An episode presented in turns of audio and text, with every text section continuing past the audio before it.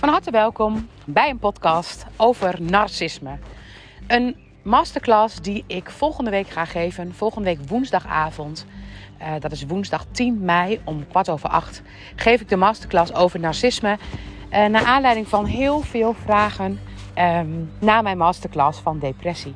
Want de masterclass van depressie heeft heel veel losgemaakt. Heel veel, um, heel veel thema's in mensen losgemaakt. Want het moment dat jij in de familie iemand hebt die een depressie lijdt, dan zie je hoe verdrietig dat is. Dan wil je eigenlijk niks liever dan deze mensen helpen. Dan, ja, je wilt wel alles voor ze doen.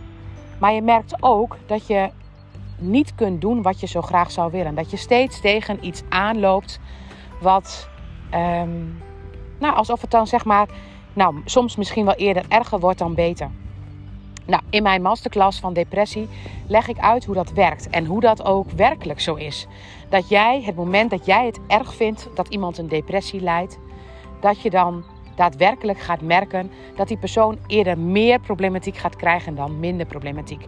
Want het moment dat ik het erg vind dat iemand een depressie heeft, dan kijk ik met ogen naar die persoon als zijnde van, oh, ja, dat wil ik niet voor jou. En um, ik maak me zorgen, ik heb angst voor jou. En als ik dat op die manier heb, de depressie wordt ook mede veroorzaakt door een imprinting ten aanzien van mensen in je omgeving waar jij bang voor bent, of mensen die bang zijn voor dat thema. Het gaat over territoriumverlies. Dus mensen zeg maar die. Uh, kijk, als ik bij iemand ben en ik um, voel me naar dat die persoon een depressie lijdt dan kan die persoon denken van misschien gaat deze persoon wel niet meer bij mij in de buurt komen omdat ik een depressie heb. Waardoor het allemaal triggers zijn om extra deze depressie te gaan leiden. Nou, ik wil je natuurlijk heel graag meenemen in deze materie om te zorgen dat wij het woord depressie kunnen veranderen. Dat we anders daarnaar kunnen kijken. En wat ik vertelde in de masterclass is dat wanneer je kunt kijken met de ogen dat een depressie eigenlijk iedereen betreft. Dat iedereen in het systeem wel iemand kent die in een depressie zit. Dan kun je ook met andere ogen naar een depressie kijken. En wat ik had geadviseerd is: ga eens voelen hoe het voor jou is als iemand depressief, depressief is. En wat ik te horen heb gekregen en wat ik terugkreeg waren echt allemaal ja, prachtige verhalen, liefdevolle notes. Um, echt liefdevolle berichtjes over allemaal mensen die zij in hun omgeving hebben, waar ze met andere ogen naar gingen kijken. En dat ze ook zelf eens nagingen van wanneer heb ik een depressie gehad? Of wanneer was ik wel eens depressief? En mag ik dat van mezelf zijn? En er waren ook mensen die besloten om gewoon maar eens even net als ik een dag depressief te gaan zijn. Gewoon eens te voelen hoe het voelt om dat stukje in jezelf meer aan te gaan zetten. Niet om voor altijd depressief te worden, maar om het thema ervan af te krijgen. Want dat wat jij in jouzelf verstopt, dat wordt alleen maar groter. Dus naarmate je meer durft te voelen dat je ook wel eens negatief bent, dat je niet blij bent met de situatie, naarmate je gaat merken dat er meer ruimte gaat komen voor blijheid, juist voor het tegenovergestelde. Nou, dan gaat deze, deze podcast gaat over narcisme. Een totaal ander onderwerp, maar dat was wel een vraag die ik kreeg. Want stel je voor, jij hebt een relatie met iemand die narcistische trekken heeft. Hoe kun je daar vanuit de Germaanse geneeskunde naar kijken? Nou, natuurlijk is dat ook logisch. En dat is logisch en het gaat met name over eigenwaardeconflicten. En kijk je naar het systeem van de Germaanse geneeskunde, dan weet je inmiddels wellicht als je regelmatig mijn podcast luistert of als je de masterclasses volgt, die je ook op mijn website kunt vinden. Daar heb ik echt alle podcasts of alle masterclasses nu opgezet, zodat je eindeloos um, nou, de masterclasses kunt vinden die jij, die jij graag zou willen luisteren over het thema wat jou aanspreekt. Maar als je dus naar narcisme kijkt, dan gaat het over een eigenwaardeconflict. En als je narcistische trekken hebt, dan heb je het gevoel dat je zowel jouw moeder-kind kant, want je hebt altijd twee kanten in dat systeem. Jouw moeder-kind kant, dus alle mensen die in de moeder-kind positie met jou staan. Dus bijvoorbeeld jouw moeder, maar ook iemand, bijvoorbeeld een baas, kan moedercapaciteiten hebben dat hij min of meer voor jou zorgt. En als je aan die kant het gevoel hebt dat jij het niet waard bent en je hebt op het gebied van vader-partner, zeg maar, dat is de andere kant, zeg maar. Dus als zowel jouw vader als jouw moeder het gevoel hebben dat jij het niet waard bent, dan kan je systeem op een gegeven moment gaan blokkeren. En dat blokkeren, dat betekent dat het systeem stopt met het voelen van dat eigenwaardeconflict. Want dat is niet fijn om te voelen. Daar voel je je helemaal niet prettig bij. Dus wat als jij dat systeem uitschakelt en niet meer voelt dat je jezelf eigenlijk waardeloos voelt? Nou, dan als je dat hebt, dan ga je meer en meer en meer en meer jezelf het waard voelen. En als je jezelf steeds meer en meer en meer het waard voelt, dan voel je dat niet werkelijk, maar je doet alsof. En dan lijkt het alsof je alleen maar steeds voor jezelf kiest. Dat is een narcist. Een narcist is iemand die niet meer voelt dat hij zowel aan de moeder-kindkant als aan de vader-partnerkant, oftewel het werksysteem en vadersysteem, dat hij daar het niet, dat hij niet voldoet. En als jij dus aan beide kanten dat systeem zo voelt, dan ga je dus in je waarde heel erg laag en zo laag dat het voor jou niet meer leefbaar is. En als het niet meer leefbaar is, is de overlevingsstrategie: wij voelen dat niet meer. Dus je voelt werkelijk niet meer dat jij het niet waard bent. Je voelt je een soort van verheven boven anderen.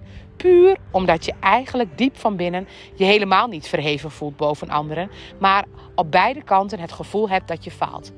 En natuurlijk komt dat niet van één momentje, van één keer een afwijzing. Dat komt vaak voor in systemen.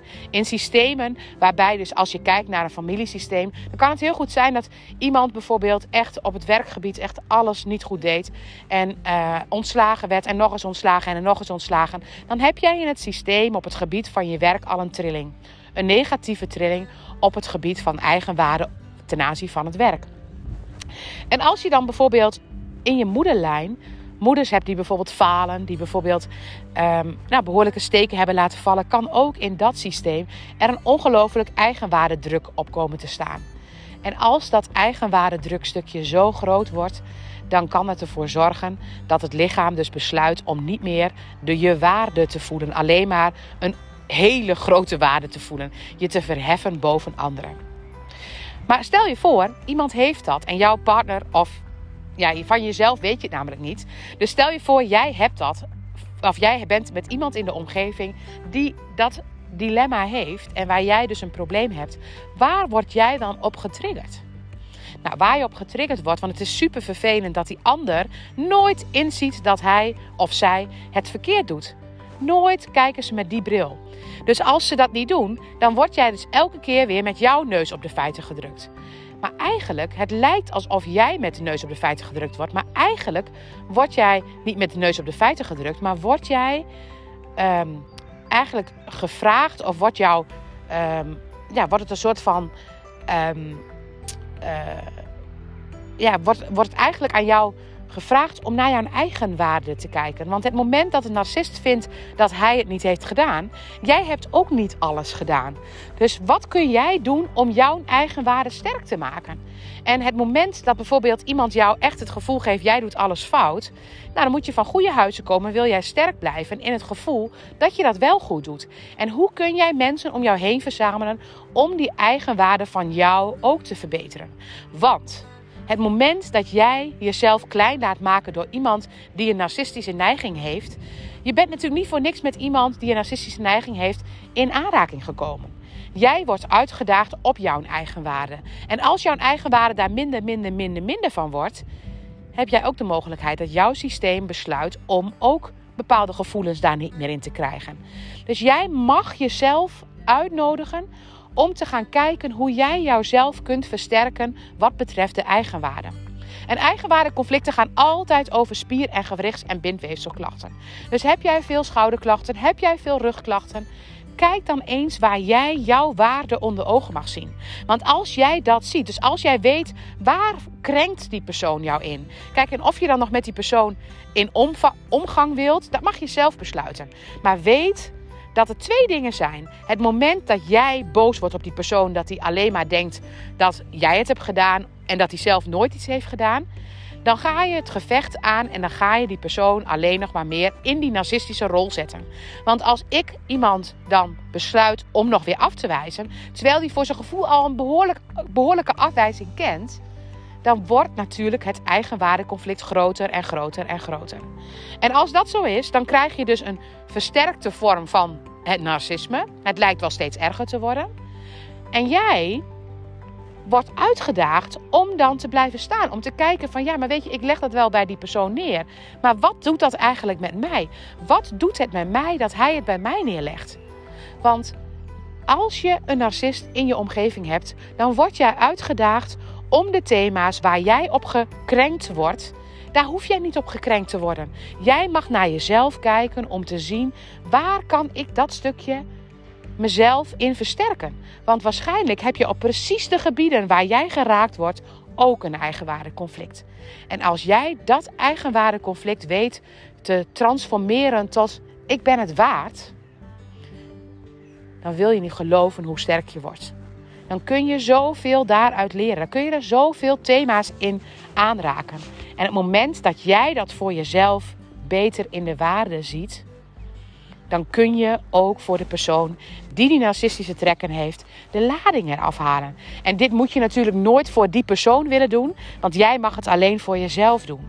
Maar het moment dat jij het doet, ga eens ontdekken wat voor effect dat heeft. Want dat gaat veranderingen brengen. Het gaat trillingen veranderen. Jij ziet opeens in dat die persoon ook iets voor jou betekent. In plaats van dat je denkt dat jij altijd iets voor die persoon moet betekenen. En als je dat kunt shiften, krijg je zo'n verandering. Nou, in mijn masterclass Narcisme, nu vertel ik natuurlijk maar een tipje van de sluier. En het is wel een grote kern van het verhaal. Maar het moment dat jij dit kunt begrijpen en kunt snappen hoe je dat eigenwaarde stukje kunt transformeren. Dan word je sterker dan ooit. Dan word jij het waard. En dan word je het waard op de allermeest bijzondere manier en de fijnste vorm. Dus ik denk, probeer de kracht te halen uit iemand in jouw omgeving die narcistisch is. En natuurlijk moet je niet daar continu bij moeten zijn om te denken van oh, ik moet alles daarvan pakken. Maar soms heb je geen keus. Heb je geen keus om bij deze persoon in de buurt te zijn. En kijk dan voor jezelf welk cadeautje kan ik daar uithalen om mezelf in mijn eigen waarde steeds te versterken. Als je mee wilt doen met deze masterclass, kijk op mijn site www.willemijntrip.nl onder de webinars en masterclasses of onder de trainingen. Ook daar kun je de masterclass van narcisme vinden om jezelf in te schrijven voor aankomende woensdag 1, of, 10 ehm, mei. Dan geef ik de masterclass. En als je je inschrijft, heb je ook 10 dagen de mogelijkheid om de replay um, terug te kijken. Want die krijg je automatisch. Um, eventueel kun je hem later ook zeg maar, via mijn site, maar dat duurt een poosje voordat hij dan online is, kun je hem bestellen. En dan, krijg je, dan is hij duurder, maar dan kun je hem alsnog bekijken. Maar mocht je denken van ik wil dit heel graag zien, kijk dan op mijn site en kijk um, onder het kopje van narcisme. Dankjewel voor het luisteren.